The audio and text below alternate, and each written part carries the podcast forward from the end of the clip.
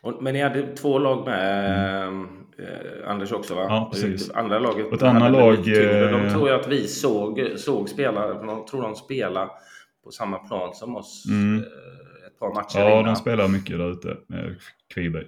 Ja, de eh, förlorar ju tre av tre matcher. Två uddamålsförluster ja. i gruppspelet. Gick då till B-slutspelet. Vann två matcher där. Eh, förlorade, vad blev det då, i 16-delsfinalen då i B-slutspelet.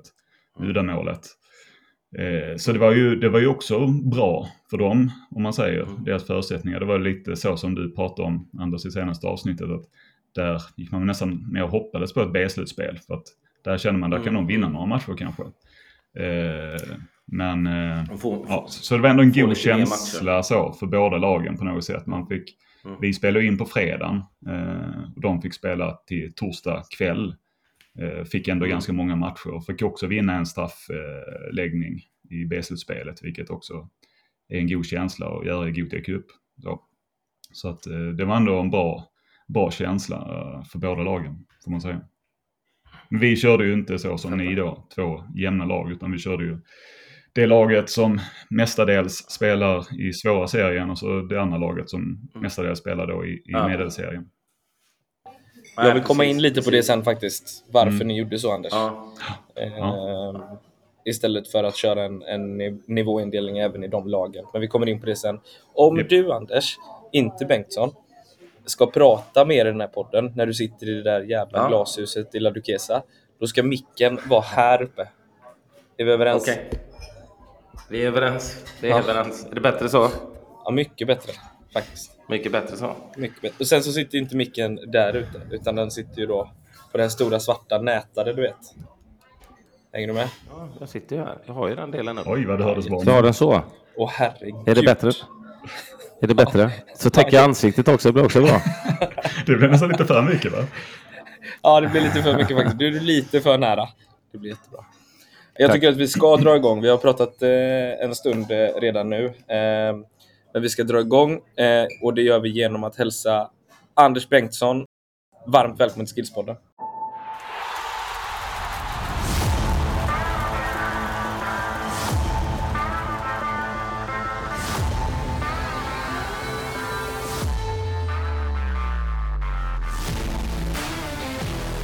Varmt välkommen Anders. Tack så mycket. eh, chefredaktör, mm. tidningen Offside, eller magasinet Offside säger man väl? Just det. Kanske. Mm. Känns Precis. det bättre att säga magasinet än tidningen? Ja, det är ju magasin. Fotbollsmagasinet Offside, ja, är så det heter. Jag fick eh, mm. på, eh, när jag gjorde mina första, jag började som praktikant på Offside och eh, fick inte vara journalist, vilket jag trodde att jag skulle vara. Jag fick mer vara någon typ av ja, man får säga slav. Så jag satt, ja. detta var ju länge sedan innan digitala prenumerationer och sådär. Du vet, när folk hade slutat prenumerera mm. så skulle jag sitta och ringa till typ Mackan som hade slutat att prenumerera. Och säga hej jag heter Anders här, jag ringer från eh, fotbollstidningen mm. Offside och undrar varför du har slutat prenumerera. Skulle vi kunna kanske få dig på några andra tankar? Då satt ju de ja. andra där bak. Anders, det heter inte fotbollstidningen Offside, det heter fotbollsmagasinet Offside. Sen dess så är jag noga med att säga magasinet faktiskt. Ja, då ska jag också vara det. Mm. Eh, ett magiskt magasin som jag faktiskt har prenumererat på i flera år. Ska sägas. Ja, kul. Ja. Eh, har jag fått sagt det också. Anders, mm. har du läst Offside? Jag har läst Offside. Eh, ett tag så tror jag att Anders var den som vi hade skrivit mest om i Offside. Det var under rätt många år som du figurerade väldigt mycket i Offside. Jag tror att det var någon ja. gång när vi ringde, det kan ha varit kanske 2012, 2013, det var precis när jag blev chefredaktör tror jag. Eh, så ringde vi, fan vi är lite sugna på att göra ett nytt, eh, ny lång intervju med dig här Anders. Så sa du, fan, nu får det fan räcka alltså. Hur många gånger har jag varit med i Offside? jag är jättegärna med. Men, sa jag det? Ja, jag har för mig att du sa det. Alltså. Och så, det stämde nog, du hade nog rätt där. Alltså. Det var lite för mycket ett tag. Tänkte att det kanske finns intressantare personer att skriva om kanske. Jag var lite passé då om det var 2012, 2013. Ja, det hade vi vunnit guld igen i och för sig 2012. Så. Precis. Ja, då måste du varit överlycklig. Ska vi bara snudda vid det snabbt? Blir det guld i år för Elfsborg? Uh, ja, tveksam om de håller hela vägen in. Um, det har ju sett otroligt bra ut måste jag säga de senaste matcherna. Nu såg jag inte matchen mot Häcken, men eh, det är klart förlorar man den matchen. Man gör dessutom första målet, vilket är de ganska beroende av deras sätt att spela. Och sen dessutom får spela halva matchen med en man mer och, och mm. tappar då från 1-1 till 1-3. Det är, i en så viktig match som Häcken så hade de vunnit den så hade jag nog eh, faktiskt sagt att jag tror fasen de, de kan lösa det. Mm.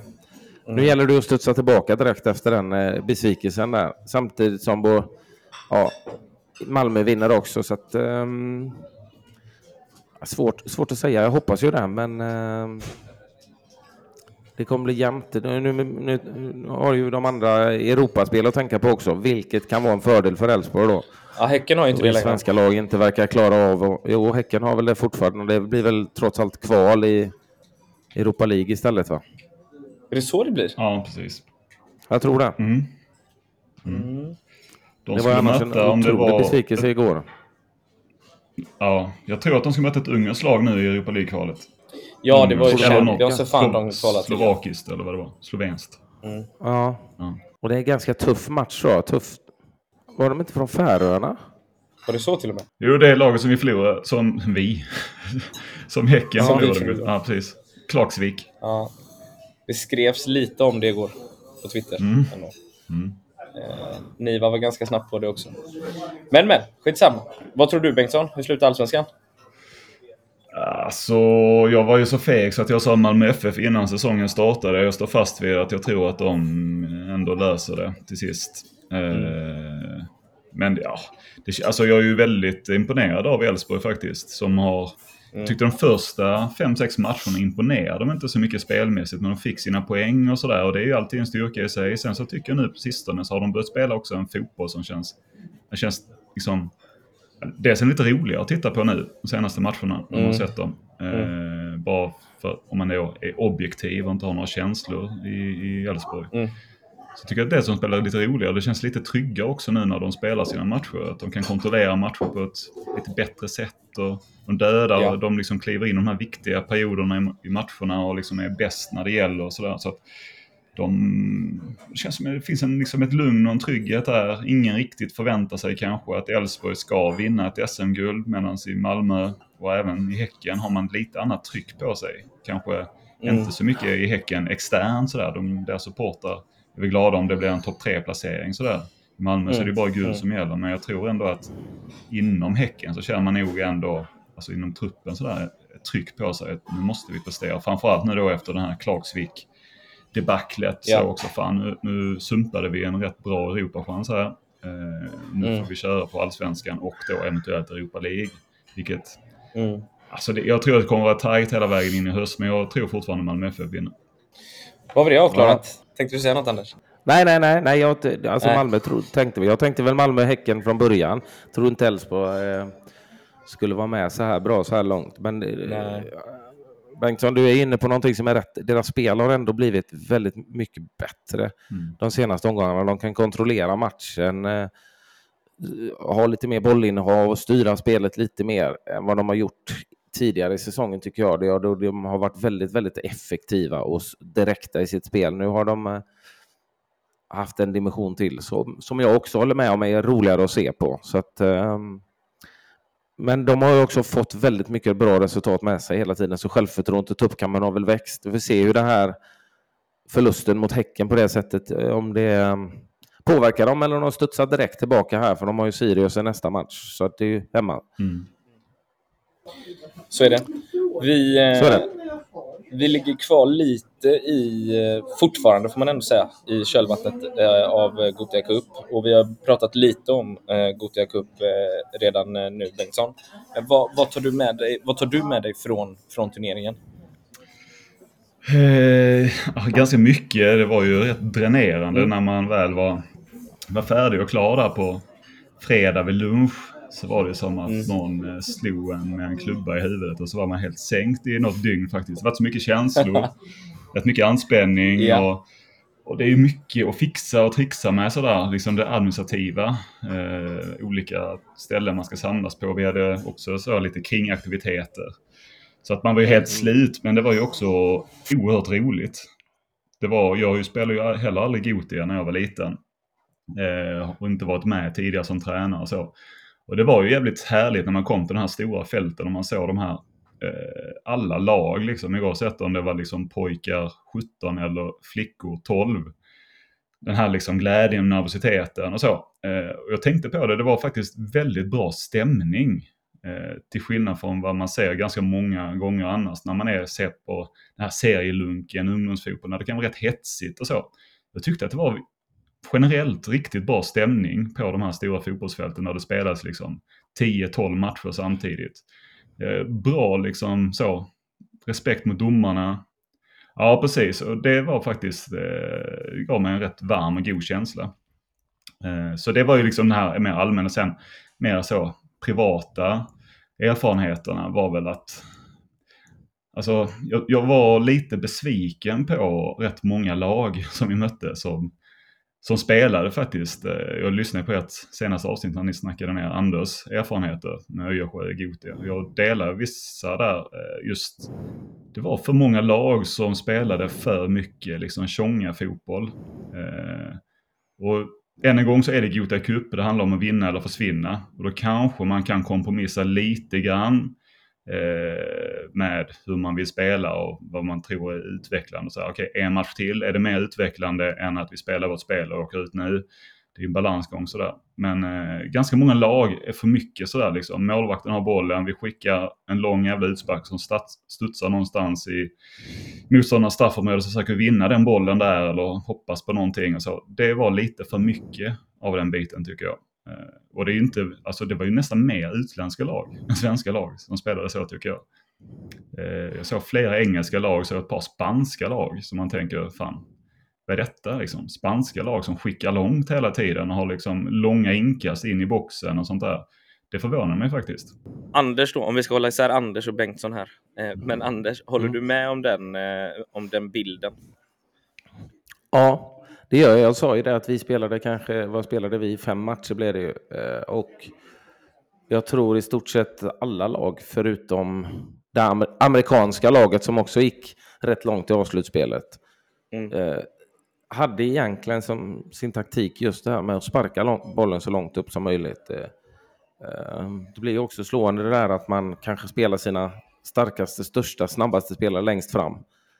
Och så skickar man upp dit och hoppas att de ska kunna vinna mm. matchen. Mm. Och det är för mig lite prim, primitiv fotboll. Och det är också som, som du säger med Anders, att eh, de utländska lagen var ju framförallt, de utländska lagen var extrema i det. Vi mötte ju framförallt i, i slutspelet och det, det är klart att i slutspel så blir det kanske lite annan fotboll. Man vill vinna för att gå vidare och det får man väl också acceptera någonstans, även om jag inte gör det och inte skulle vilja göra det på det sättet de gjorde. Men eh, både det italienska som vi slog ut på straffar och det engelska vi åkte ut mot spelade ju. Det var ju otroligt. Jag tror det engelska laget tror jag hade om de hade tio utsparkar från målvakten så åtta av dem gick till våran målvakt. Mm, mm. mm. Liksom det var, och det var hela tiden. Det var liksom inget spel utan det var ju upp med bollen. Liksom. Mm. Eh, förvånade, förvånade mig, gjorde det och gör mig också lite så här som jag är. Eh, vill se fotboll och utveckling. Och så gör det mig också besviken. Gjorde det i alla fall. Men, nu vet ju inte vi hur de tränar heller. Eh, nej. Det, Eller hur det, de spelar i sin men... serie. Nej, absolut inte. Eh, men eh, jag tycker ju ändå det är tråkigt. Både tråkigt att titta på och jag känner bara, fasen ska de här lära sig att spela fotboll liksom?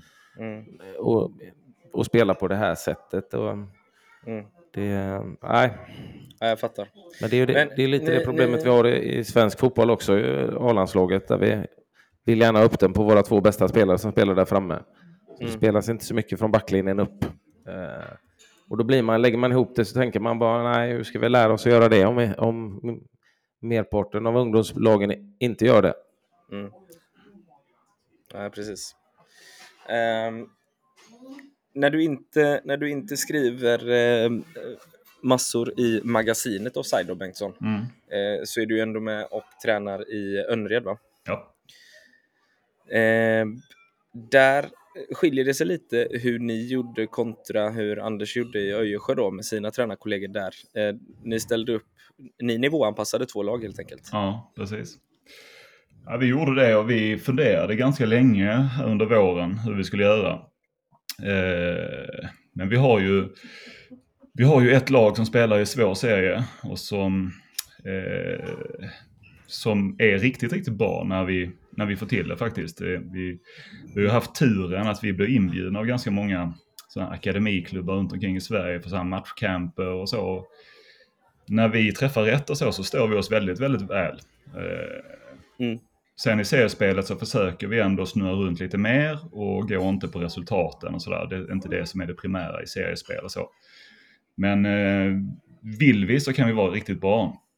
Sen så har vi då ett lag som spelar medel och i vårt medellag skulle man kunna säga att vi har kanske, vi har ändå fem, sex killar som kanske spelar på en för hög nivå där i medel.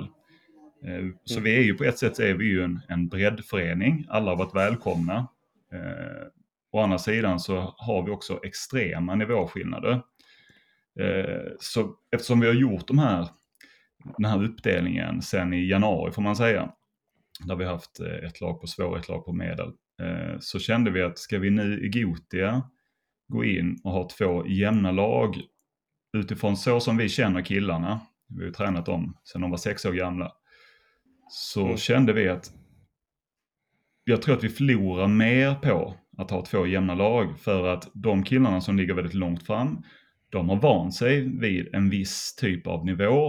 Eh, och de killarna som spelar på medelnivå oftast, de har vant sig vid en viss typ av nivå med förväntningar, stress och hur mycket tid man har med bollen och sådana här saker. Så mixar vi det för mycket i Gothia Cup så blir det varken hackat eller malet. Vi hade kanske kunnat ta oss till en match in i ett A-slutspel och åkt ut direkt. Eller så hade vi åkt, eh, gått vidare till B-slutspelet och kanske spelat någon match där och sen åkt ut direkt. För att nivåskillnaderna är så pass stora. Och då tror vi att vi hade förstört lite grann av det som vi byggt upp. Vi har jobbat väldigt mycket med det här med att prata med killarna och prata med föräldrarna. Eftersom nivåindelning är en känslig sak. Så vi har byggt upp mm. någonting här. Det är ingen skam överhuvudtaget att spela i medel. Vi har inga fasta lag. Vi vill att det ska vara en liksom ständig rullians säg, säg att vi har fem stycken killar som är, de är självskrivna om man säger i vårt svåra lag. Vi har fem stycken killar som är självskrivna i vårt medellag. Sen däremellan så har vi ganska många killar som ska kunna ja, gå fram och tillbaka beroende på liksom utveckling, hur mycket man har tränat och vilket driv man har visat på träningarna. Det är sådana saker vi också tittar på. Vi har ju några stycken som lyckligtvis har andra idrotter som de, de har liksom inte valt än. Som håller på med friidrott och de håller på med fotboll, de håller på med hockey och de håller på med fotboll. Vi uppmuntrar ju det, men då säger vi också det att är det så att vi har lite tuffare kupper som vi blir inbjudna till, då kommer vi kanske premiera de som har tränat ännu mer eh, just när det är de tuffaste kupperna. Sen får ni spela exakt lika mycket i de andra matcherna och sådär, så det handlar inte om speltid och så, men vilket lag man spelar i. Så vi, vi tog det beslutet och givetvis så var det en eller två föräldrar, inte killar i laget. En, två föräldrar som tyckte att det var lite dumt att vi skulle göra så här. Gothia Cup skulle bara vara en upplevelse. Eh, och, så och det håller vi med om. Gothia Cup ska bara vara en upplevelse. Det gör man kanske en gång i livet, kanske två gånger i livet och med i Gothia. Men samtidigt får man säga, vi känner killarna eh, och vi tror att vi gjorde rätt och vi märkte så när allting var över att det blev väldigt lyckat. De som spelade det i vårt så kallade medellag, de kände att de, mm. De gjorde det här utan att de fick hjälp av våra bästa killar om man säger.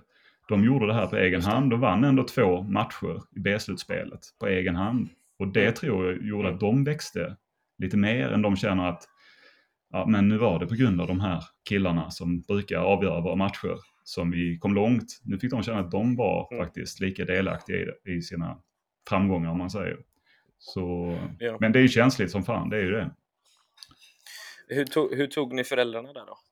Ja, men vi har gjort, eh, sen faktiskt sen något år tillbaka, har vi haft eh, föräldramöten eh, där vi pratat om det här med att vi har så, det blir inte bra, det är svårt i träningsvardagen att göra riktigt bra mm. övningar mm.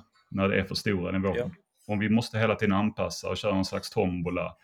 Okej, idag delar vi bara ut västar, lite hipp som happ och så oj, det blev den här grupperingen, men då kör vi på. Då kan inte vi göra den typ av övningar som vi vill göra med de som ligger längst fram, för de har ett annat tempo i sig.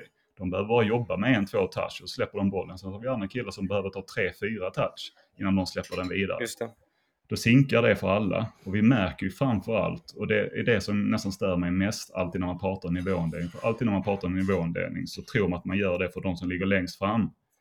Och det gör mm. inte vi, vi gör det faktiskt mer för de som ligger långt bak. För dem mm. märker man, de tappar glädjen. Man ser på dem att de tycker fan inte det är kul. Och de tappar Nej. självförtroende när de inte lyckas med några aktioner på träningarna. Så vi har pratat med föräldrarna flera gånger om det här. I början så knorrades lite grann. Ska man börja med det här när de redan är 12 och sådär i träningsmiljön och sådär. Och så, vi tror på mm. det. Vi, vi, vi gör det. Mm. Vi lägger så mycket tid och engagemang på det här så att ni får lita på oss. Att vi gör ja. det här för gruppens bästa. Vi gör det inte för en eller två individers bästa. Det gör vi inte. Eh, sen lyckligtvis så har vi i vår tränargrupp, vi är fem stycken tränare. Men mm. vi är tre stycken som man kan säga huvudtränare. Det är jag och två till då. Och en av de andra huvudtränarna har ju en son som, som aldrig har gjort en match i vårt svåra lag om man säger. Och det hjälper oss också lite grann med vår trovärdighet att vi gör ju inte det här bara för våra egna barns skull. Utan Nej. det är för hela gruppens eh, så. Sen så har vi också det som vi kallar trivselsamtal. Det är någon typ av utvecklingssamtal ja. som vi har en gång per, per säsong, så två gånger om året. Där mm. vi sitter ner med, mm. med killen och med killens föräldrar. Och först och främst så handlar det bara om hur man trivs i laget. Är det någonting vi behöver veta? Är det någonting som är jobbigt hemma eller sådär? Men där man också då kommer in på liksom fotbollsbiten. Okej, okay, nu har du spelat mycket back här på sistone. Vad tycker du om det? Vill du testa några andra positioner och sådär? Och då ibland under de här samtalen så kommer det fram, ah, men jag känner att jag kanske borde kunna spela någon match mer i, i det svåra laget om man säger. Och så pratar vi om det, ja men du, du bara kämpar på så kommer det snart och sådär. Och de samtalen där är guld värda för då sitter man ner en och en eh, och pratar. Mm. Eh, och då mm. kan man också förklara lite grann, lite mer så här, okej okay, just nu så märker vi att du kanske inte har riktigt det här liksom fokuseringen på träningarna och så, är det någonting liksom, är det tråkigt, är det just de här träningarna tråkiga, tycker du att vi kan göra någonting annat och sådär, så får man höra, ja men jag tycker inte det är så roligt när vi bara kör possession-spel och vi mer kör matchspel och sådär. Mm. Och så kan vi få lite mer förståelse då för eh, hur killen, eh, vad han har för driv, vad han vill med sin fotboll. För man, det är inte så att mm. alla mm. i vårt lag drömmer om att de ska spela i Elfsborg eller i IFK Göteborg eller i Liverpool. Vissa spelar ju bara för att de tycker det är kul. Och det är mm. bra om vi vet det också som tränare. Och det är inte alltid att föräldrarna faktiskt ens vet det, vad de vill med sin fotboll. Eh, vilket är rätt slående när man sitter och snack ibland så säger de att min son han vill bara spela forward eller han vill bara spela yttermittfält. Alltså, vill han det? Har du pratat med honom? För varje gång som vi pratar med honom så säger han att han vill spela försvarare. Jaha, nej det har han aldrig sagt mm. till mig. Nej, men han har sagt det till oss. Sådär. De har ju en bild ja. av vad deras barn vill med sin fotboll. Men vi ser ju dem i vardagen mm. tre gånger 90 minuter, vad som vi tränar. Och sen matcher på det. Eh, så vi lär känna dem på ett annat sätt, i alla fall den fotbollsmässiga biten. Mm. De här samtalen, är alltid föräldrarna med på dem? Eller någon av föräldrarna med på ja, dem? Ja, det är de alltid. Eh, och det, ja. man, alltså, nu har vi faktiskt inte haft det den här våren för att det är ju så, vi har ju 28 killar i vårt lag och betar sig igenom 28 stycken killar och så är de i alla fall en halvtimme långa det är rätt många eh, timmar extra man ska försöka klämma mm. in i vardagen när man har heltidsjobb och sådär. Eh, men vi ska försöka ha det nu här när vi startar upp igen i september. Det är ändå värt att ta den tiden för man får en sån jäkla förståelse och man kan få... Det är det som man är rätt allergisk mot när man är ideell tränare som vi är. Man har liksom kanske mm. inte någon som tar all skit som händer i en föräldragrupp och sådär. Eh, och det vill man ju inte att det ska börja snackas. Börjar det snackas från en eller två under en match till exempel. Ja, varför gör de så? Varför får inte han spela så mycket där? Och nu spelar han på den positionen igen och så. Det sprider det sig rätt så mm. fort. Eh, men man kan avväpna ganska många av de diskussionerna om man sitter och har individuella samtal och då, då blir det Eh, ja, men det är någonting som jag verkligen önskar att det skulle man gjort ännu tidigare. Vi har kört det här nu i två år kanske, de här utvecklings eller trivselsamtalen. Men det känns som det skulle man gjort ännu tidigare. Det kan man fan börja med när pojken eller flickan är liksom 13, eller vad säger jag, 9 år gammal. 10 år gammal, för då börjar det mm. hända så mycket. Eh, mycket förväntningar både från barnen i sig och sådär. Vissa vill kanske satsa ännu mer på fotbollen och det är rätt bra som tränare att man vet det. Eh, vissa vill satsa ännu mindre, men det är rätt bra att man vet det också. Eh, de tycker någon mm. annan idrott är roligare eller de har jobbigt i skolan eller sådana här saker. Det känns som att det är oerhört viktigt att veta. Just det. Jobbar ni med de samtalen i ÖIK, Anders? Faktiskt inte. Vi har pratat om att vi ska ha eh, något liknande kvartssamtal. Trivselsamtal låter bättre tycker jag. Mm. Eh, så vi har väl jobbat lite mer med enkäter än så länge egentligen där de fått svara på frågor. Men det, det, är också, det är också svårt att få barnen att säga vad de egentligen känner. Mm. Liksom, och, och hur, hur, får man dem i en miljö där de kan göra det? Vi har pratat om och, om det är saker man upplever som inte är bra, om vi kan ha eh, typ som ett, man hade ett elevråd i skolan eller no, ett par spelare i laget som, som funkar med alla, som alla är trygga med att säga till om man tycker det är svårt att säga någonting till någon ledare och sådär. Mm. Mm. Um, När plockar man bort föräldrarna då? Och gör man det? Jag vet, Ja, men just i sådana samtal, jag, vet inte om, jag tror inte du får sitta och prata med barnen eh, en, och, en och en. Så, eh, Nej, alltså, får, alltså det är ju, jag vet inte vad man får. Alltså, det vet jag faktiskt inte, men samtidigt ute på planen så där i träningsmiljö, vet, innan en träning börjar, eh, så går man ju ibland fram till vissa killar som man känner att okej, okay, man har en liten känsla av att det var någonting som inte kändes rätt typ i helgens match och sådär. Jag vet inte vad som är skillnaden att man går fram och står och pratar med dem. Eh. Två tränare och en, en kille som är 13 år ute på fotbollsplanen i 10 mm. minuter eller om man sätter sig i klubbstugan och sitter och pratar i 10 minuter. Jag vet inte, rent juridiskt så tror jag inte att det är någon skillnad faktiskt på det.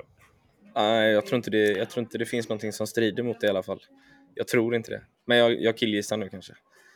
Mm. Eh, men ja, tror ni att det, tror ni att det finns en... Ja, jag menar det. Tror ni att det finns en fördel i att plocka bort föräldrarna på sådana möten? Eller sådana samtal? Ja, alltså... Eller är det olika? Jag, jag tänker som så att eh, det är som Anders säger, det är inte alltid att alla killar är liksom det bara sprudlar om dem när man sitter och pratar. Det kan ju vara rätt fåordigt ja nej. och nej. Trivs du bra i laget? Ja. Är det någonting som mm. är jobbigt laget? Nej. Du vet, då ger det inte så mycket. Mm. Man behöver ibland ha Nej. med föräldern som är med och hjälper till lite grann eh, för att få mm. igång en diskussion och så. Men sen det som jag tänker, nu sa att vi ska ha ett föräldramöte här. Eh, nu är då killarna 13 och fyller 13 det här året. Det ska vi ha här i september. Men jag tror också att det kan vara vårt sista föräldramöte som vi har. Mm. Någonstans så känner jag också att eh, nu börjar killarna i sjuan i vårt lag. Det är ändå, mm. jag vet inte hur länge man ska behöva sitta och ha föräldramöte, utan är det någonting så som man undrar som förälder, men då får man höra av sig till oss.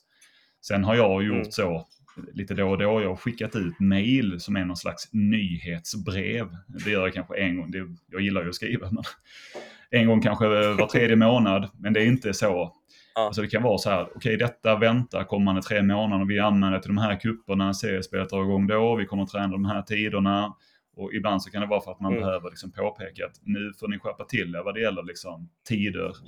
Eh, vi har för många killar som kommer 5-10 minuter för sent till matchsamlingar. Det stör hela uppladdningen mm. för hela laget. Nu måste vi visa respekt. Och så. Den typen av grejer kan man mm. skicka ut och så. För att det var ju också någonting som man har lärt sig med åren, att man kan aldrig kommunicera för mycket eh, när man är fotbollstränare. För det är så många saker som hela tiden händer. Och det är ju så att föräldrarna tänker ju alltid på sitt eget barns bästa. Vi som är tränare ska ju tänka på lagets bästa och det fattar ju aldrig de riktigt. De ser ju bara ur Nej. sitt eget perspektiv. Eh, så om det är så att man tycker, varför får inte Kalle spela i det laget? Så mm. säger vi ofta, ingen, ingen hade varit gladare än vi, än vi tränare om vi hade känt att Kalle är självklar för att spela i det laget. Då hade, det är inte så att mm. vi har någon, liksom, något emot Kalle. Är han tillräckligt Nej. långt framme fotbollsmässigt så ska han givetvis spela där. Så att vi är inte taskiga på något sätt, men vi, vi anser att det finns kanske tre, fyra andra killar som just nu förtjänar lite mer. Eh, och så. Mm. så att, just det här med föräldramöten och så, det, man kan ju ha det för mycket också. För att varje gång man har ett föräldramöte ja. så öppnar man upp för så många saker som kanske är onödiga. Det är kanske en, två föräldrar som har massa åsikter eller funderingar. Mm. Men då kan man ta dem individuellt istället för att man ska ta dem i en grupp med kanske 55 stycken föräldrar om alla kommer. Eh, vi fick en fråga av eh, ska gå in lite på eh, frågor som jag fått i, i våra sociala medier. Eh, men där jag tror att ni ser lite likadant på den här eh, typen.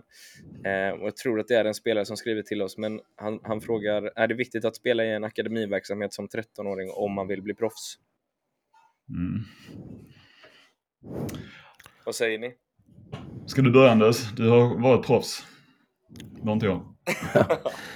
ja, alltså. Som 13-åring, jag vet att tiderna förändras också, eh, men jag tror att det är ganska, ganska bra som 13-åring om du har, liksom, då börjar du komma upp i åldern att, att ha en bra ledare, bra utbildning och har du liksom eh, Titta då um, om man tittar till exempel Önnered till exempel. Jag vill inte kalla ner er akademi, nej, nej breddförening mer. Nej, för fan. ja, ja. Och då, jag menar, har du, har, du, har du en duktig miljö som du är med, att det finns flera spelare som är drivna och du har ledare som också som, som, eh, som är drivna, som dessutom är kunniga, så tror jag att du eh, kan ut, utbildas, utvecklas väl så bra i en sån miljö. Eh, hade du varit i, i, säg, i vad ska vi ta, vi kan säga Öjersjö, eh. och det hade varit två, två spelare kanske i truppen som, som eh, vill träna och vill bli så bra som möjligt. Och du har föräldraledare som kanske aldrig har någon fotbollsbakgrund, inte någon kunskap egentligen. Då, då tror jag det är en annan bit. Då kanske det, du behöver inte gå till en akademiklubb, men du bör hitta I 13 år. Då kanske du bör hitta en miljö där du kan utvecklas. Så då börjar du komma in i, i, i puberteten och, och eh, kanske en ganska viktig utvecklingsfas. Så att eh, där, där skillnaderna är. Så att jag säger, hävdar inte att det är, behöver vara en akademi, men du, du kanske eh, det är inte avhängande heller för att bli proffs, men jag tror att eh, de flesta som är drivna skulle må tycka det är roligare om de var i en omgivning där fler eh, är som de själva, lite drivna och vill träna och vill bli bra och då har ledare som kan hjälpa dem och utveckla dem. Mm. Förstår ni vad jag menar? Alltså det är skillnad om du har två till tre mm. spelare som är drivna kontra att du har 15 spelare som är, som är drivna. Sen behöver det inte vara en akademiklubb och du dessutom har kunniga, duktiga ledare. Um, Mm. Sen behöver det inte vara en akademi som sagt. Det är väl lite så jag känner när du kommer upp i, i 13 års ålder. Sen är det ju inte helt avgörande för att du ska bli proffs ändå, men eh, jag det är lite det jag tycker är skillnaden om, om, om folk frågar mig, liksom, om du är 13 år, du måste gå till en akademi. Titta bara, ja, men hur ser din miljö ut? Liksom? Önnered då till mm. exempel, ja men 13-åringar, de är bland de absolut bästa i, i, i hela Göteborg, Sveriges näst största stad. De har, säger vi, 15-20 spelare som, som är tokdrivna och liksom tränar varje gång. Och det är ett bra tempo. De har flera ledare som har fotbollsbakgrund. Varför ska du lämna det och gå till en akademi? Det, det, det, det, jag ser inte varför det skulle vara bättre. Lite där är jag, förstår ni? Mm. Mm. Ja, precis, jag håller med dig helt. Eh, och du frågade innan om vi kallar oss själva akademiklubb. Det gör vi verkligen inte. Önnered är en jätteliten förening. Mm. Eh, verkligen så. Men jag har ju alltid sagt det att jag tycker att det har funnits för få alternativ. Antingen här ute i västra Göteborg, där jag är verksam, eh, så har det antingen varit då att det är supertydlig breddföreningsfotboll. Alla är välkomna på samma villkor. Eh, man har inte så höga krav på tränarna eh, i föreningarna kanske med engagemanget eller med kunskapen och sådär. Och sen så i andra änden så är det akademiverksamheten. Jag känner att det har funnits liksom en, ett rätt stort utrymme däremellan. Där man kan ligga någonstans mellan. Alltså man har kanske, ska man säga, eh, alltså alla är välkomna men vi har sagt det, ska man spela Önnered så är man där för fotbollens skull. Det är liksom ingen sån här fritidsverksamhet som jag får känslan av att det är ganska många breddföreningar. För det är inte jag intresserad av att lägga liksom 20 timmar i veckan på, som jag nästan gör som ideell tränare.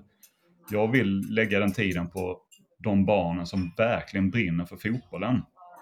Då är jag beredd att lägga den tiden. Och det handlar inte om att man måste vara jätteduktig. Som sagt, vi har killar som kanske egentligen hade mått bättre av att spela på lätt nivå. Men de är lika välkomna. Men eh, för att svara på den frågan där med, vi har ju slagits ganska länge. Vi har ju haft en fyra, fem killar som i flera års tid har blivit uppvaktade av akademiklubbarna här i Göteborg. Och ibland så har det varit så att det har varit min egen son och då behöver inte jag ta diskussioner med någon och jag har bara sagt nej. Det är inte aktuellt mm. just nu. Yeah. Jag kan återkomma till varför jag tycker att det är inte aktuellt just nu. Men när det är de yeah. andra eh, så kommer föräldrarna eh, och frågar, ah, nu är det så att eh, IFK Göteborg eller Gais eller ÖIS har hört av sig här och de är intresserade av min son och sådär, vad tycker du och sådär. Då har jag sagt fram tills nu att nej, det finns ingen anledning. Vi är ett så pass bra, vi är minst lika bra som dem fotbollsmässigt. Och vi har en mycket tryggare miljö här. Och din son, han är bästa kompis och vuxit upp med de här killarna sedan han var sex år gammal, bor i samma område. Det finns ingen anledning just nu hade vi varit, precis det som du var inne på Anders, ett lag där vi hade haft att bara den här killen och kanske en till hade varit de som har ett visst driv, ett visst tempo i sig. Då är det en annan sak. Då hade jag sagt, ja, fan, nu är det nog dags. För att vi kan inte ge honom den här liksom utmaningen på en daglig basis hela tiden. Det är en annan sak. Men nu så börjar det ju bli så. Nu är ju killarna 13. Eh, och nu så har jag börjat ändra lite och även mina tränarkollegor liksom så att okej, okay, är det så nu att det är IFK Göteborg eller Häcken då som är på gång här nu i Göteborg med och de har haft fram tills ja, ganska nyligen. De har inte dragit igång en akademiverksamhet från killarna och, och tjejerna nu då, eh, fyller 15. Eh, men nu ska de nog gå ner lite grann i åldrarna sådär. Eh, så nu är det lite så, okej, okay, hör någon klubb av sig nu och vill att någon av våra spelare ska gå, då är jag mer sådär, okej, okay, vad vill du liksom? Är du beredd? Förstår du vad det innebär och sådär? Att dels så ska du börja pendla, lägga kanske en timme drygt om dagen, ta dig till andra sidan Göteborg. Du ska börja sjuan, det blir helt nya typer av krav på dig i skolan. Och det kommer in andra intressen i ditt liv och så här. Du, fattar du vad det innebär och så här. Så nu får man börja ha med en dialog. Nu kommer inte jag kämpa mm. stenhårt för att de ska stanna kvar, utan nu får de mer aktivt ta ett beslut. Eh, för någonstans så känner jag att jag, eh, som är då en av huvudtränarna, jag kanske ser att jag kan träna det här laget något år till. Sen så, sen så förstår jag att det finns de som är betydligt mer utbildade och som kanske man också ska inte vara en föräldratränare för länge för sin egen son till exempel. Det är ju också problematiskt i sig. Eh, om jag skulle vara son, eh, tränare för min son Sigge till han är 16, det, det är inte heller eh, jätteschysst mot honom kanske. Han behöver stå på egna ben och sådär. Eh, så att jag tycker att det förändras någonstans här när man är 13-14. Då ska man börja fundera, okej, okay, kan man få en ännu bättre utbildning? Eh, fotbollsutbildning. Och är man beredd, fattar man vad det innebär att gå till akademierna? Så kanske det är ett alternativ nu, men fram tills nu har det inte varit. Och det kan jag bara se på ÖIS, guys och Blåvitt är en speciell det har inte funnits någon anledning att gå dit. Eh, jag har ju sett, det har ju liksom antingen varit ledarskapet som jag har liksom reagerat på under alla år. Stämningen i laget, vad de tillåter, hur de pratar med varandra och sådär. Eh, och sen fotbollsmässigt, de har ju inte stuckit ifrån oss under de här åren.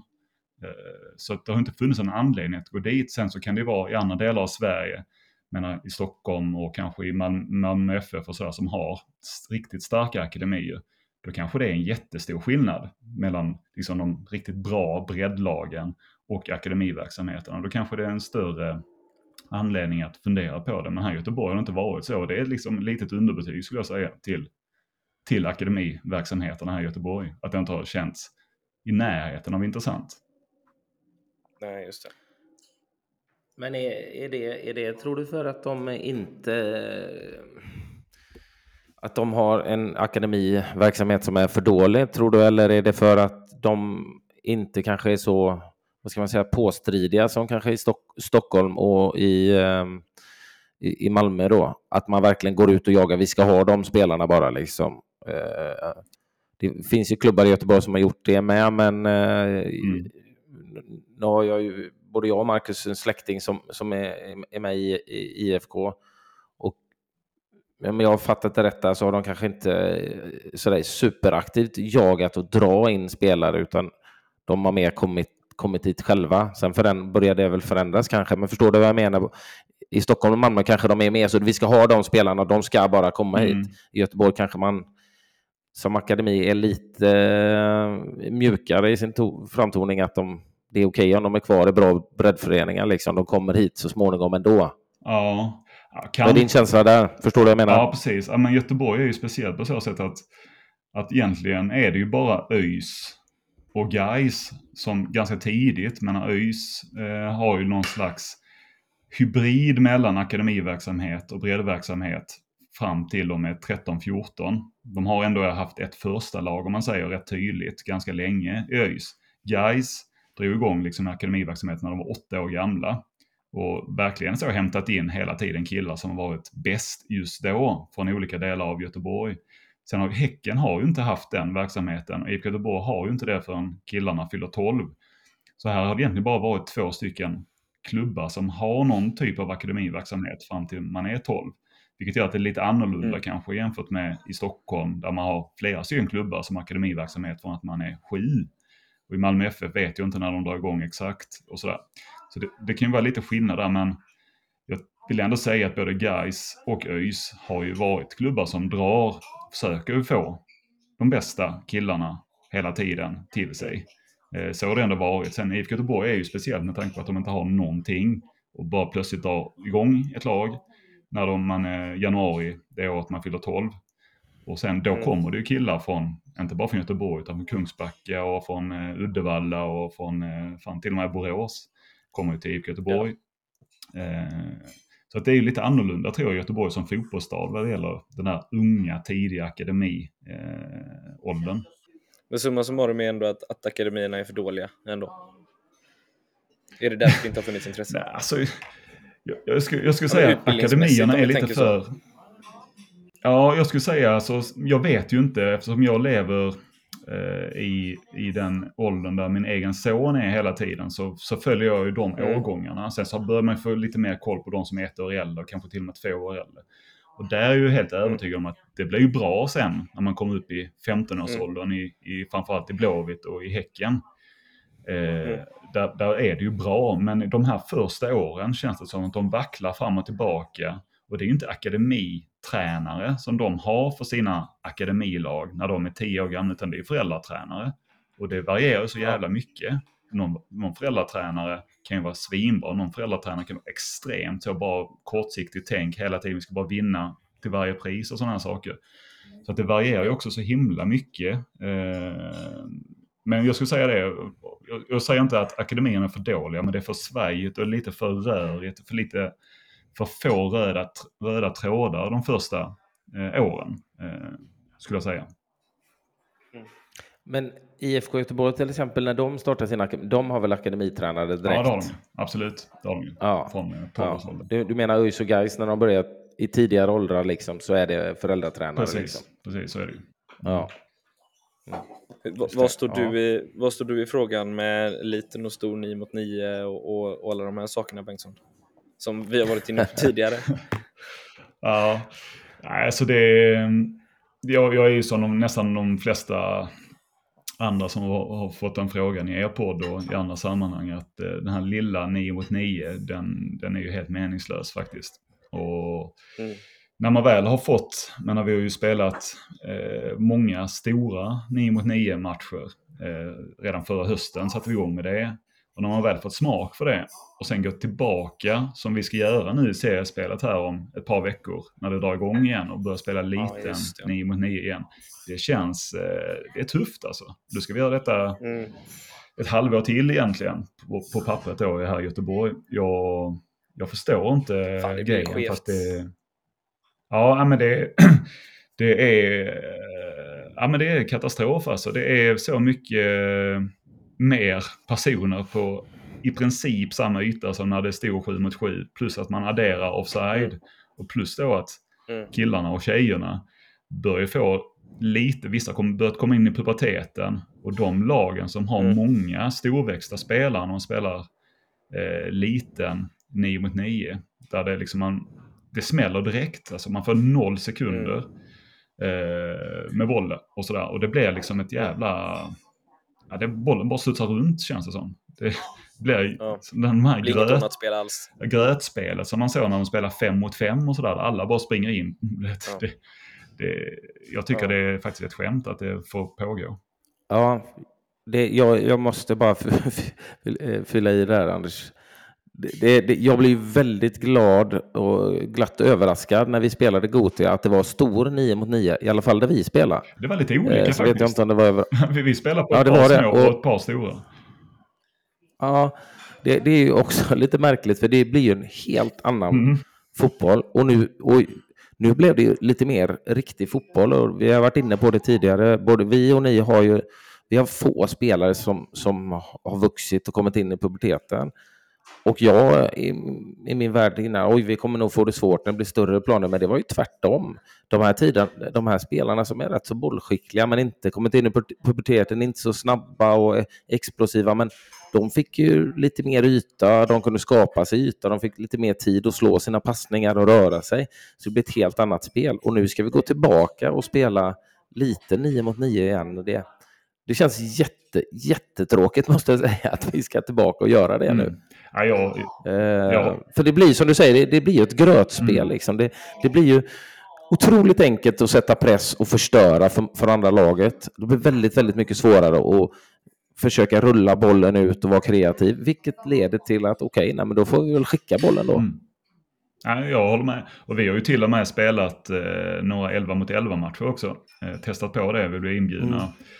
Var och mötte eh, Eh, ett gäng lag här i början av sommaren, en liten matchcamp. Eh, och där var det, tänkte jag precis så som du tänkte Anders. Vi är ett litet lag, vi har liksom aldrig levt med vår fysik överhuvudtaget. Hur kommer detta gå när vi spelar 11 mot 11? Men plötsligt så, vi spelar ännu bättre fotboll när det blev 11 mot 11. Ännu mer ytor, för att det är så långt från liksom försvar till anfall. Och även om du har ett par stycken killar i ett lag som kan skicka en lång boll, om man säger motståndarna, från back till forward. Så, så här, det ska mycket till att den kommer rätt och sådär. Så att motståndarna börjar också spela lite mer ett vanligt spel. Man rullar runt, vänder på mm. spelet och börjar om igen om det liksom överetableras på ena sidan. Ja, men då flyttar vi över på en. Plötsligt så såg jag liksom ett spel som, jag var så imponerad av mina killar trots att vi knappt hade spelat någon, vi hade inte ens tränat 11 mot 11 innan vi spelade vår första match. Mm. Och då ser man, blir man ännu mer övertygad om att den lilla 9 mot 9, den känns som att man vaskar ett år faktiskt i svensk fotboll. Mm. Eh, där man skulle kunna gå direkt då från stor 7 mot 7. Jag, jag tycker inte att man ska gå direkt från 7 mot 7 till 11 mot 11. Jag tycker att det är ett bra steg att köra 9 mot 9. Men den stora 9 mot 9-planen känns ju ideal, idealisk faktiskt. Eh, mm. För mm. där mm. man ser att killarna befinner sig generellt rent fysiskt nu, inte bara i vårt lag utan även alla motståndarlag som vi, som vi möter. Så det, det, jag bara hoppas att, jag vet ju hur det är liksom med, med bordläggningstider och sånt där i svensk fotboll. Och bara mm. hoppas att de verkligen lyssnar på alla. Inte bara de som varit i er podd utan alla som håller på med det här, som är elever i, liksom har det här i, i sin, i sin vardag. Att man lyssnar på oss mm. tränare. Eh, mm. Så tror jag att det skulle göra rätt stor skillnad faktiskt för för svensk eh, fotboll. Mm. Det kan ju låta banalt att det är bara en spelform som ska göra stor skillnad, men det är ju ändå ett år som är så jäkla viktigt. För det är också så att rent, alltså de flesta killarna och tjejerna som slutar spela fotboll, de slutar ju nu där vi är med våra mm. barn nu Anders, när de är liksom 13. För att andra saker kommer in i livet, men det är också sådär, orkar jag satsa? Nej, orkar inte riktigt satsa. Eller så är det att polarna mm. slutar spela i laget, ja men då slutar jag också. Så då har man ju den här faktorn också. Är det kul att spela matcher? Ja, men det, det är ju kul att spela matcher. Det ska ju vara det roligaste som finns när man är en 13-åring. Men om det då är den känslan att fan, nu ska vi spela lite 9 mot 9, stor 9 mot 9 är så, vi, vi, spelar mycket roligare fotboll, vi spelar en bättre fotboll. Det är ju rätt många procent tror jag i det som kan göra att äh, men jag fortsätter spela fotboll. Om ni förstår vad jag menar. Jag tror ja. att spelformen är ja. viktigare än vad man tror för att få många att fortsätta spela fotboll. Och det handlar inte om att man ska nå landslaget eller sådär. Utan det handlar bara om att man ska, och det är ju min drivkraft, jag fattar ju att extremt få, om ens någon, kommer göra mm. en match i division 1. Så. Mm. Det, det, ska mycket mm. till att någon av våra killar gör det. Så det är inte därför jag håller på, men jag vill hålla på med det här för att jag vill att så många som möjligt ska spela fotboll och få en så bra grund att stå på och testa sina liksom, chanser och sådär. Och då tror jag verkligen att den spelformen eh, förstör eh, mer än vad den eh, ger jag tror också att eh, de är medvetna om det. Vi har ju pratat med Per Widén bland annat. Känslan är att de vet om problematiken och eh, det är bara frågan om en tidsfråga tror jag innan den, innan den eh, försvinner. Det skulle jag, jag skulle bli väldigt, väldigt förvånad. Det är bara, det får inte ta för lång tid och vi är ju en av dem då som inte kommer att hinna mm slippa den, om man säger mm. så, i och med att vi redan är där. Men jag tror, jag tror det är bara en tidsfråga. Sen är ju nästa fråga är om man ska gå då, ja, från stor sju, stor, eller sju, sju mot sju då, stor säger vi, eh, och rätt till stor 9 mot 9 då? Eller ni bara att inte bara ha en 9 mot 9? Mm. Frågan är om man ska köra det i ett år, det året vi nu, och sen gå till 11 manna mm. som 14-åring eller om man kör stor 9 mot 9 i två år. Det, det, det, mm. det, vet jag inte svaret, men lite 9 mot 9 måste bort. Mm. Det, det, tror, och det tror jag nog att de som jobbar med, med de här frågorna också känner att det måste vi nog revidera och göra om. Liksom. Mm. Då blir ju bara det viktiga är ju att man har 9 mot 9 mål om man ska spela stor 9 mot 9 fotboll. Ja. För det händer ju ibland att man spelar stor plan 9 mot 9 och så är det 7 mot 7 mål. Då, mm. Det är inte kul heller på något sätt. Och det är inte roligt heller Nej. med 11 mot 11 mål på en stor 9 mot 9 för då blir målen för stora. Det blir för lätt att göra mål. Så det är också så. Nu vet jag här i mm. Göteborg har de rullat ut nu i hela stan faktiskt 9 mot 9 mål. Eh, vi har fått det till vår plan. Vi har haft det tidigare som vi har köpt in själva då. Eh, så vi har haft ja, två ja. stycken 9 mot 9 mål. Men nu har ju, ska ju alla tre kommunala planer ha 9 mot 9 mål här i Göteborg, vilket känns som en eh, oerhört fin eh, grej. Om Göteborgs fotbollsförbund ska ta på sig eh, äran för det eller om det är Göteborgs kommun, det vet jag inte. Men eh, det är ju helt avgörande faktiskt när man spelar 9 mot 9 att det är 9 mot 9 mål. Kan du ge dem det Anders? Absolut, det är väl fantastiskt det, att, det, att det händer. Vi är ju en av de få Eh, klubbar tror jag när vi har spelat nu i, i, i seriespel som, som har haft 9 mot 9 mål. Vi har ju spelat med många där det har varit 7 mot 7.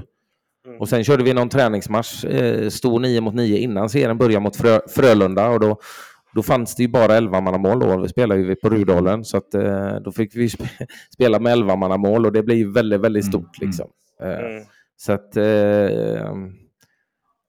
jag vill ju framförallt åt ytan är ju viktigare för mig än målen. Sen är det ju mm. klockrent om det är 9 mot 9 mål, men tar du 11 manna mål på en stor, stor 9 manna så blir det ju att många kommer att skjuta väldigt mycket långt ifrån de som har bra tillslag, för målvakterna kommer inte att lösa det.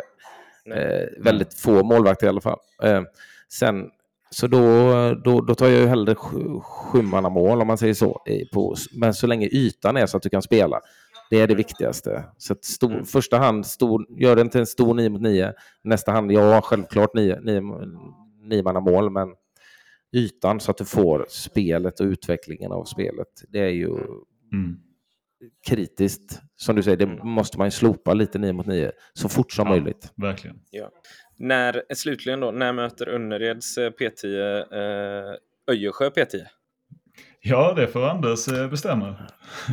Vi, vi möts gärna. Ja, vi, nu spelar vi ju båda i... Vi fick ju, det är två olika serier här i Göteborg, så vi kommer inte i samma serie. Eh, det gjorde vi inte i Nej. våras, så vi gör det inte nu under hösten heller med våra två lag. Eh, så vi, vi får väl se om vi kan fixa en träningsmatch. Ja, det var ju på väg. Du kontaktade ju mig här mm. innan. Låt mig gissa, och du svarade inte eller? Jo, jag var ju tyvärr, jag la ut det i tränargruppen för jag var ju iväg då. Eh, så att jag kunde ju inte, det var, jag tror ni hade en träningsmatch inbokad och de drog sig ur va? Kunde inte mm, dyka mm, var, upp och då Det var för vårt andra lag mig. som inte jag hade då huvudansvaret för ja. De sökte en Nej, träningsmatch. Okay. Mm, ja. ja. så var det. Ja, precis. Eh, och vad det kanske var Kalle som hörde av sig till mig? Ja. Eller var det du? Jag precis. Ja, det var Kalle. Det var, Nej, Kalle, det var Kalle. Han, är, han är inte tränare, men han har hoppat in och hjälpt till lite grann nu på slutet. Ja, just det. Han var ju tränare i Juvik innan, så vi spelade någon träningsmatch mot dem då, men eh, innan under det. Men vi kunde inte, jag var, i, var i bortrest så att jag skickade ut tränargruppen, men då var eh, det ingen som kunde ta tag i det, så det vart, det vart ingen match. Ehm, Trist. det får vi, ja, det får vi, får vi eh, styra upp så fort som möjligt. Det har, det har varit roligt. Det är roligt och framförallt kanske skulle jag vilja ha träningsmatcher och just bara för att få matcher på stor 9 mot 9. Till och med mm. kanske Eh, utmana oss i vår lilla förening. Jag vet inte om vi, hur, hur, om vi löser ett svårlag i, på 11 mot 11, men det har också varit kul för, för killarna att prova 11 mot 11 här under hösten. Mm. Någon gång. Ja, precis. Eh, så vi får se. Ja, men det är, det, det, och det är så jag känner att, att här i Göteborg och så, det, jag tror att man behöver ju liksom hjälpa varandra och inte ha så mycket prestige i träningsmatcher. Utan ja. man kan liksom hitta lite kompisklubbar, kompislag som man, man, mm. man istället för att man gör en träning en onsdagkväll, men då kör vi, vi testar en 11 mot 11 match istället. Och bara, bara för att det är en rolig sak och att man får smaka lite grann på det. Så alltså, spelar det ingen roll. Det är klart som fan inte kul att gå därifrån och ha förlorat med 15-0. Men det, det spännande, man kan ju fan skifta några spelare i laget också för att det ska vara jämnt och kul och sådär. Eh, så ja. det är ju någonting som, liksom, det, det, finns så mycket prestige för att man vill inte ens förlora en träningsmatch. Nu säger jag inte det mot dig här men det finns vissa andra lag som vi kontaktar och sådär. Nej, vi, vi, vågar inte riktigt möta er, ni är för bra. Så, vad fan, det är en träningsmatch. Vi hör av oss. Vi kan komma med lite jämna lag om det är så. Men det är så många som inte mm. vill liksom, nej, vi vill inte förlora, vi vill inte förlora matcher. Eh, och då tror jag att man eh, målar in sig i ett hörn faktiskt.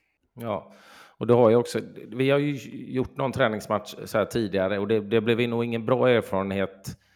Och det var ju faktiskt för, vad kan det vara, kan det vara ett och ett halvt år sedan någonting när vi, in, innan vi spelade på nio, niomannaplan och då vet jag att vi skulle, Frölunda ville möta oss. Och då vi visste att de hade ett bra lag och då var vi lite oense som tränare för det var ju väldigt många av killarna som ville prova åka och spela nio mot nio. Mm. Och vi, jag löste två andra träningsmatcher som vart mot Hovås tror jag, men det var tyvärr inte 9 mot 9 utan det var 7 mot 7.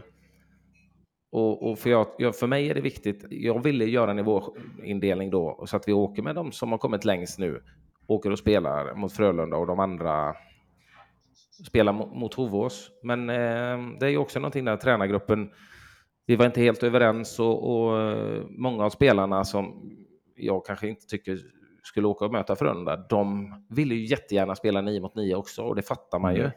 Mm. Och det blev ju någon slags mix. Jag var inte, åkte inte dit, jag var sjuk eh, och kände på förhand det här blir inte bra. Eh, för vi åkte ju med alla de som ville liksom spela och Frölunda var ju duktiga då eh, och, och mm. då blev det ju en, en, en stor förlust för oss. Och efter den matchen så, slu, så försvann två av våra bästa spelare till eh, Espanyol då. Mm. Eh, och jag tror det var droppen liksom. De hade längtat efter den nivå, nivåanpassning och det var ju på väg och vi började jobba med det på träning frekvent. Eh, och den matchen blev, blev inte bra jag tycker ju att jag skulle jättegärna åka och möta Önnered. Eh, jag tror ni ligger eh, en bit före oss, men det hade varit roligt och utmanande att få se var man ligger och spela, men jag kan inte åka dit med ett, ett blandat lag i vår enorma nivåskillnad. Det, det viktiga för mig är att alla får en mm. match. Då löser man en annan match. Då är det så att vi ska prova att spela 11 mot 11 och det, alla vill göra det, då får vi lösa två matcher så att de andra får chans till att göra det med. Men jag ser ingen vinning att vi skulle möta ert tvålag och komma med spelare som, som spelare på, på kanske lätt nivå. Det är varken för, för oss eller för er eller för dem, liksom. för då blir det ju en sån här reaktion som tyvärr blev för för ett tag sedan då när vi mötte Frölunda. Att, men, men det, det, är också där att vara överens som ledare då. Mm. Liksom. Och vi, vi har en jättebra tränargrupp där vi diskuterar och det är ingen som har facit eller vet eh, på förhand. Vi, vi var inte överens om det här i Gotia där vi kanske vi diskuterade lite där att vi kanske ska göra ett starkare lag och ett,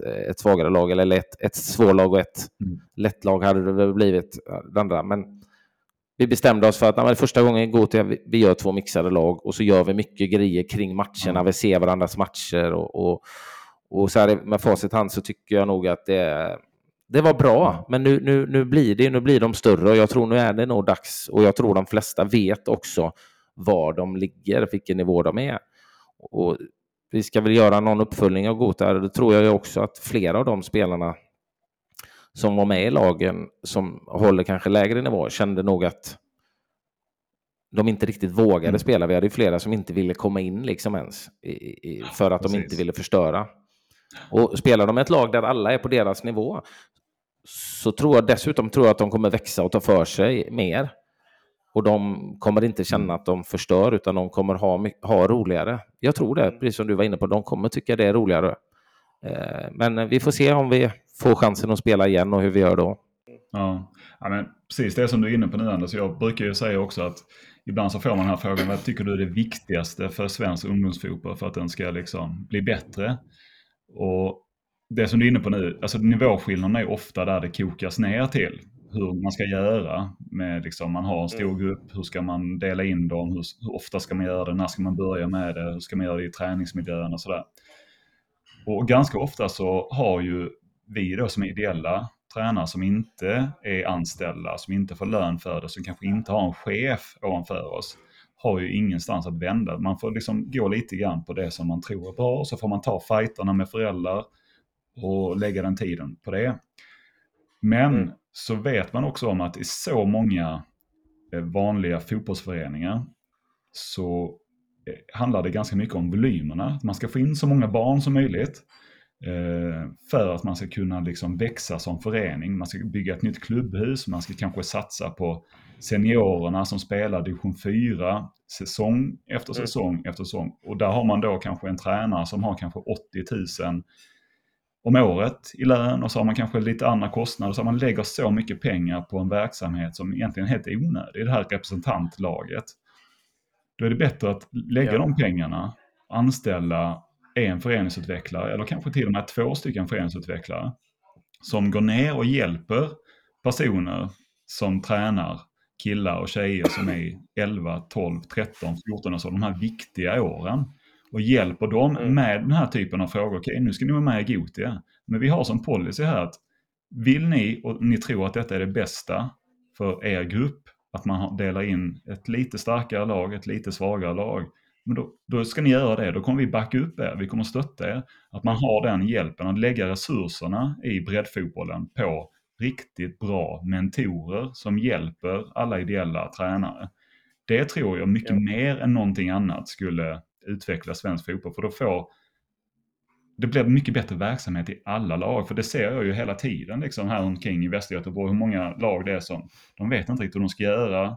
Vissa lag, om man har riktigt engagerade tränare som har lite bakgrund eller om man tycker det är jättekul, man försöker läsa och lyssna på poddar och förstå mer hur ska man göra. De går det bra för. Men de som inte riktigt bryr mm. sig, det inte så bra för. Och där vaskar vi bort så jäkla mycket barn som slutar spela fotboll. För det blir mm. till sist blir inte kul när man då kommer upp i den här åldern, när man är 13-14, när man mm. andra saker kommer in i livet som kan ta över. Fotbollen blir inte lika mm. intressant. Men då slutar man med fotbollen. Jag vet inte hur många tusentals barn vi förlorar för att det är för svajigt i för många föreningar. Man ställer inte riktigt krav eh, på tränarna. Och tränarna Nej. kan heller inte ställa krav på föreningen. Så att man har hamnat i någon slags moment 22 Eh, tror jag. Så att eh, det är det jag tycker är absolut det viktigaste. Att man ska, måste kunna få hjälp om man är en engagerad, driven, eh, ideell tränare från sin förening. Jag tror inte alla kan få det. Nej, Nej. 100 procent så. Eh, mycket bra. Eh, programtiden börjar lida mot sitt slut. Jag känner ändå så här att löser ni matchen, alltså träningsmatchen, så fixar jag tifo och bengaler.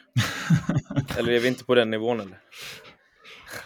Bangers skiter jag i. Bengal. Men alltså, lite ja. bengaler det har väl ingen dött av, tänker jag. Ska du stå, stå själv där i, själv? på läktaren? Själv? Ja. Jag tänker att vi är du löser... fem, sex pers i alla fall. ja. Med varsin bengal. Ja. ja, nej, vi ska försöka få till någonting, nej. Anders. Eh, det får vi göra. Ja, fixa matchen ja. i alla fall. Ja. Eh, vi, vi, vi, ska, vi ska lösa något. Det är som sagt, jag, eh, jag, som vi har båda varit inne på här, lite sådär att man ser ser fram emot höstsäsongen lite mindre nu efter Gothia när man har fått spela på stor 9 mm. mot 9 och så ska gå tillbaka känns det som i, i utvecklingen. Mm. Eh, även om det är tuffa motståndare så känns det, det lite så det har varit roligt att få till några sådana matcher eh, och som sagt kanske till och med prova 11 mot 11 under hösten. Ja. Så att, Får jag bara fråga? Nej, vi, fråga så jag tror att jag frågade dig senast när vi pratade. Men vad kör du för formation när det är liten 9 mot 9? Vad, vad är det för oh, uppställning var du bra, kör? Faktiskt. Ja, men jag kör, kör ju samma formation som, eh, som jag hade gjort på stor 9 mot 9. Eh, där jag har det, det svåra tycker jag är kanterna just för att vi spelar man kan klä in det i, i siffror. Det, det, kan vara, beroende på motstånd, så kan det vara 4-1, 2-1. Det är liksom att vi har egentligen en fyrbackslinje, fast ytterbackarna är ju både ytter, ytterbackar och ytterforwards. Mm. Och sen har jag tre centrala mittfältare där en är ett ankare bakom, då en mer, en mer utpräglad eh, defensiv playmaker och så två offensiva och sen en forward. Mm.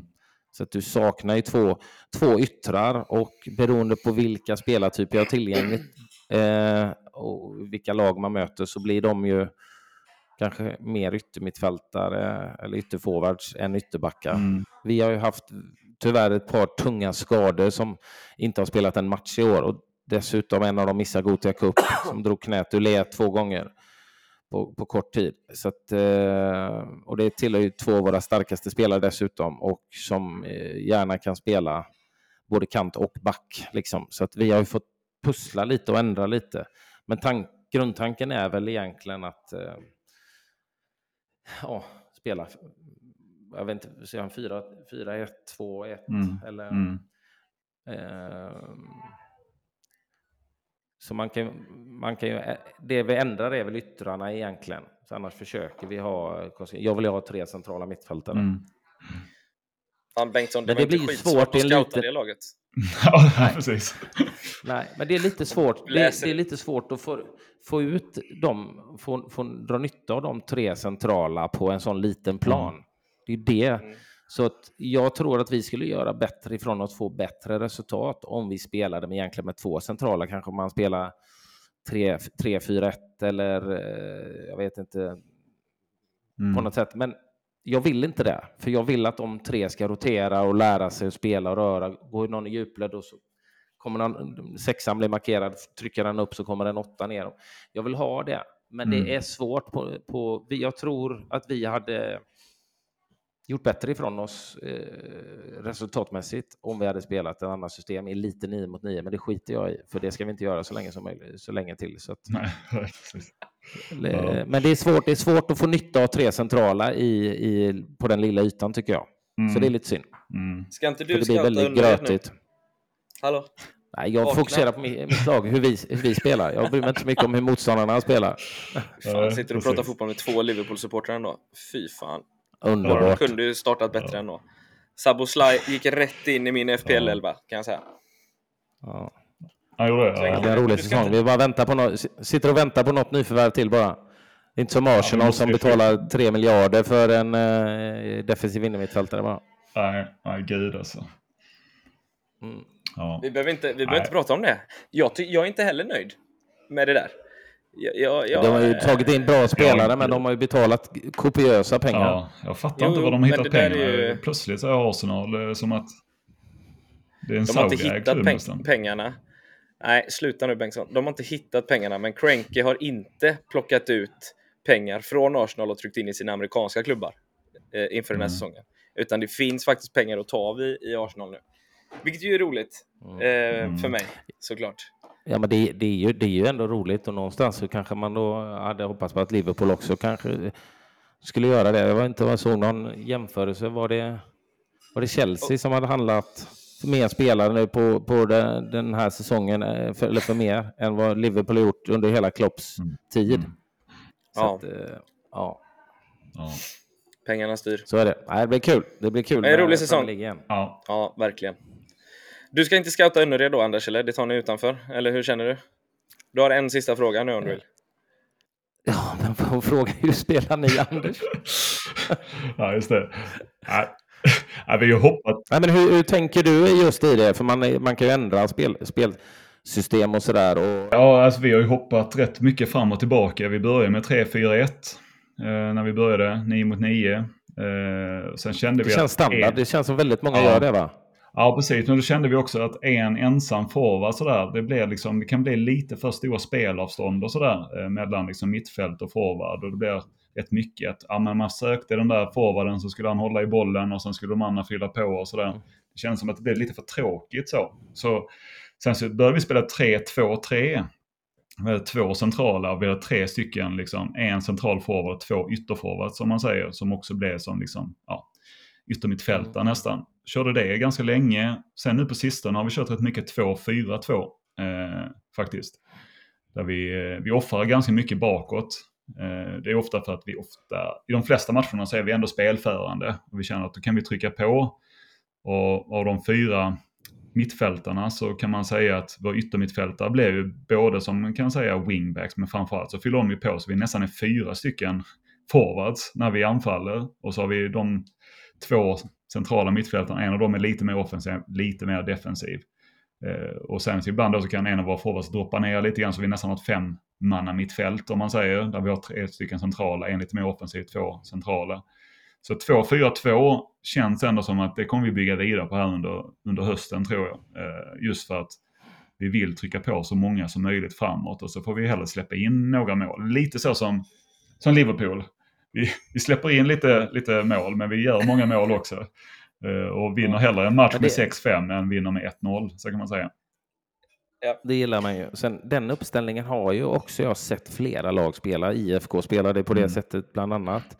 Det är också ett system som passar ganska bra på den här lilla, eh, lilla planen. Mm.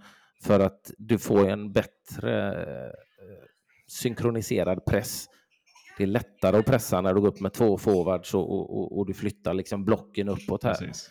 Eh, det märkte jag att vi har haft, eh, haft eh, svårare i våran press kontra de lagen, IFK då bland annat, som, som, som vi hade väldigt svårt mot när de spelar på det mm. sättet.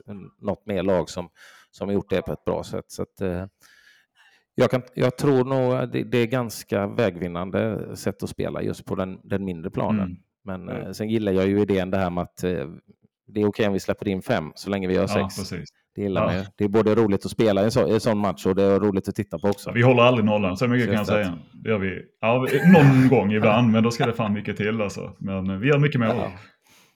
ja, det är roligt. Det är det, det man vill se mycket roligare. och vill göra. Mm. Ja, visst är det så. Visst är det så. Ja. Helt rätt. Eh, Bengtsson, hur ser det ut framöver? Du hade semester lite till sa du va? Ja, en vecka semester till och fotbollsträningen drar igång här om, vad fan är det, fyra dagar. Drar vi igång höstsäsongen. Ja. Eh, ja. Så det är väl... Eh, nu så ser vi ut där från Anders fina... Oj, oj, oj, oj, oj. Otroligt bra poddcontent faktiskt, Anders. Ja, vi, vi fick Tack. se det, men uh, lyssnarna får inte se ja. fina. Men vi ser havet, nej. spanska havet. Ja. Eh, nej, så det är väldigt ja. bra att gnugga på med, med killarna i laget ja. och eh, försöka bygga vidare på allting och hålla alla nöjda och glada. Eh, mm. Och så man är ju alltid taggad nu när man haft uppehåll ett par veckor liksom och lite nya övningar och man ska skruva på vissa mm. saker och så. Det känns, eh, känns jävligt skoj. Underbart. Mm. Jag hade en, en, en kväll med två eh, igår kväll, därför jag försov mig i morse. Jag ber om ursäkt Marcus och Anders här för, för det.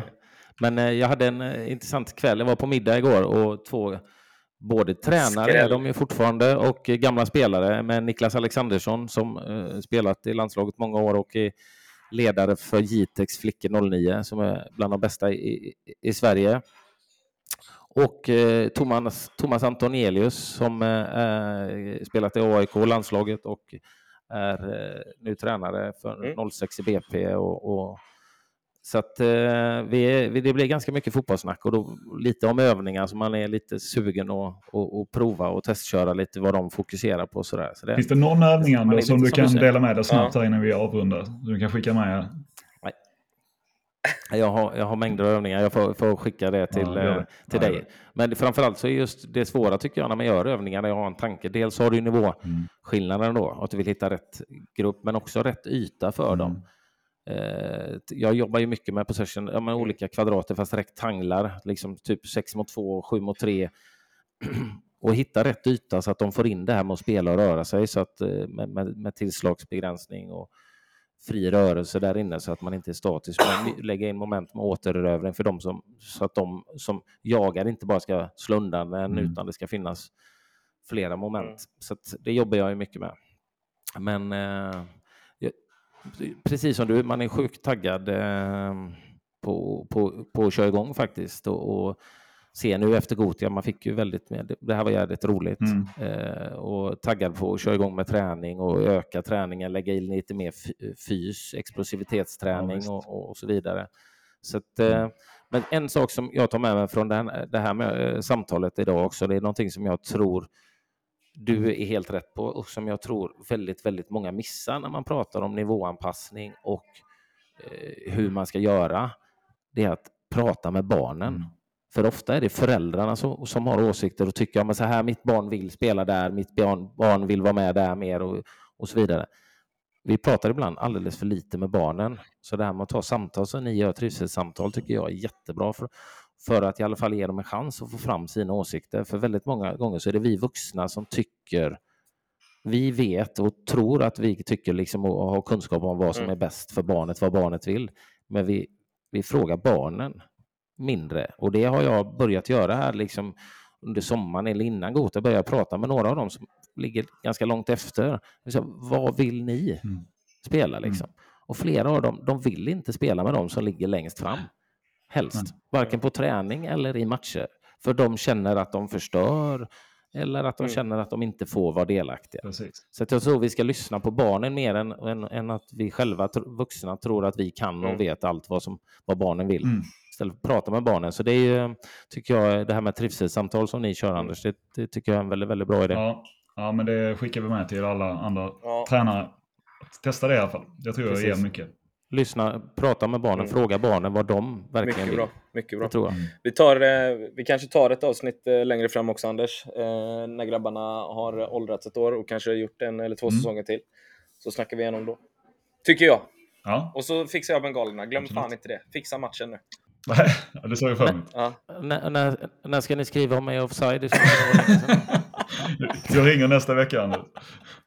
Ja, ja bra, mycket bra. bra. Vi hörs av då. Tack för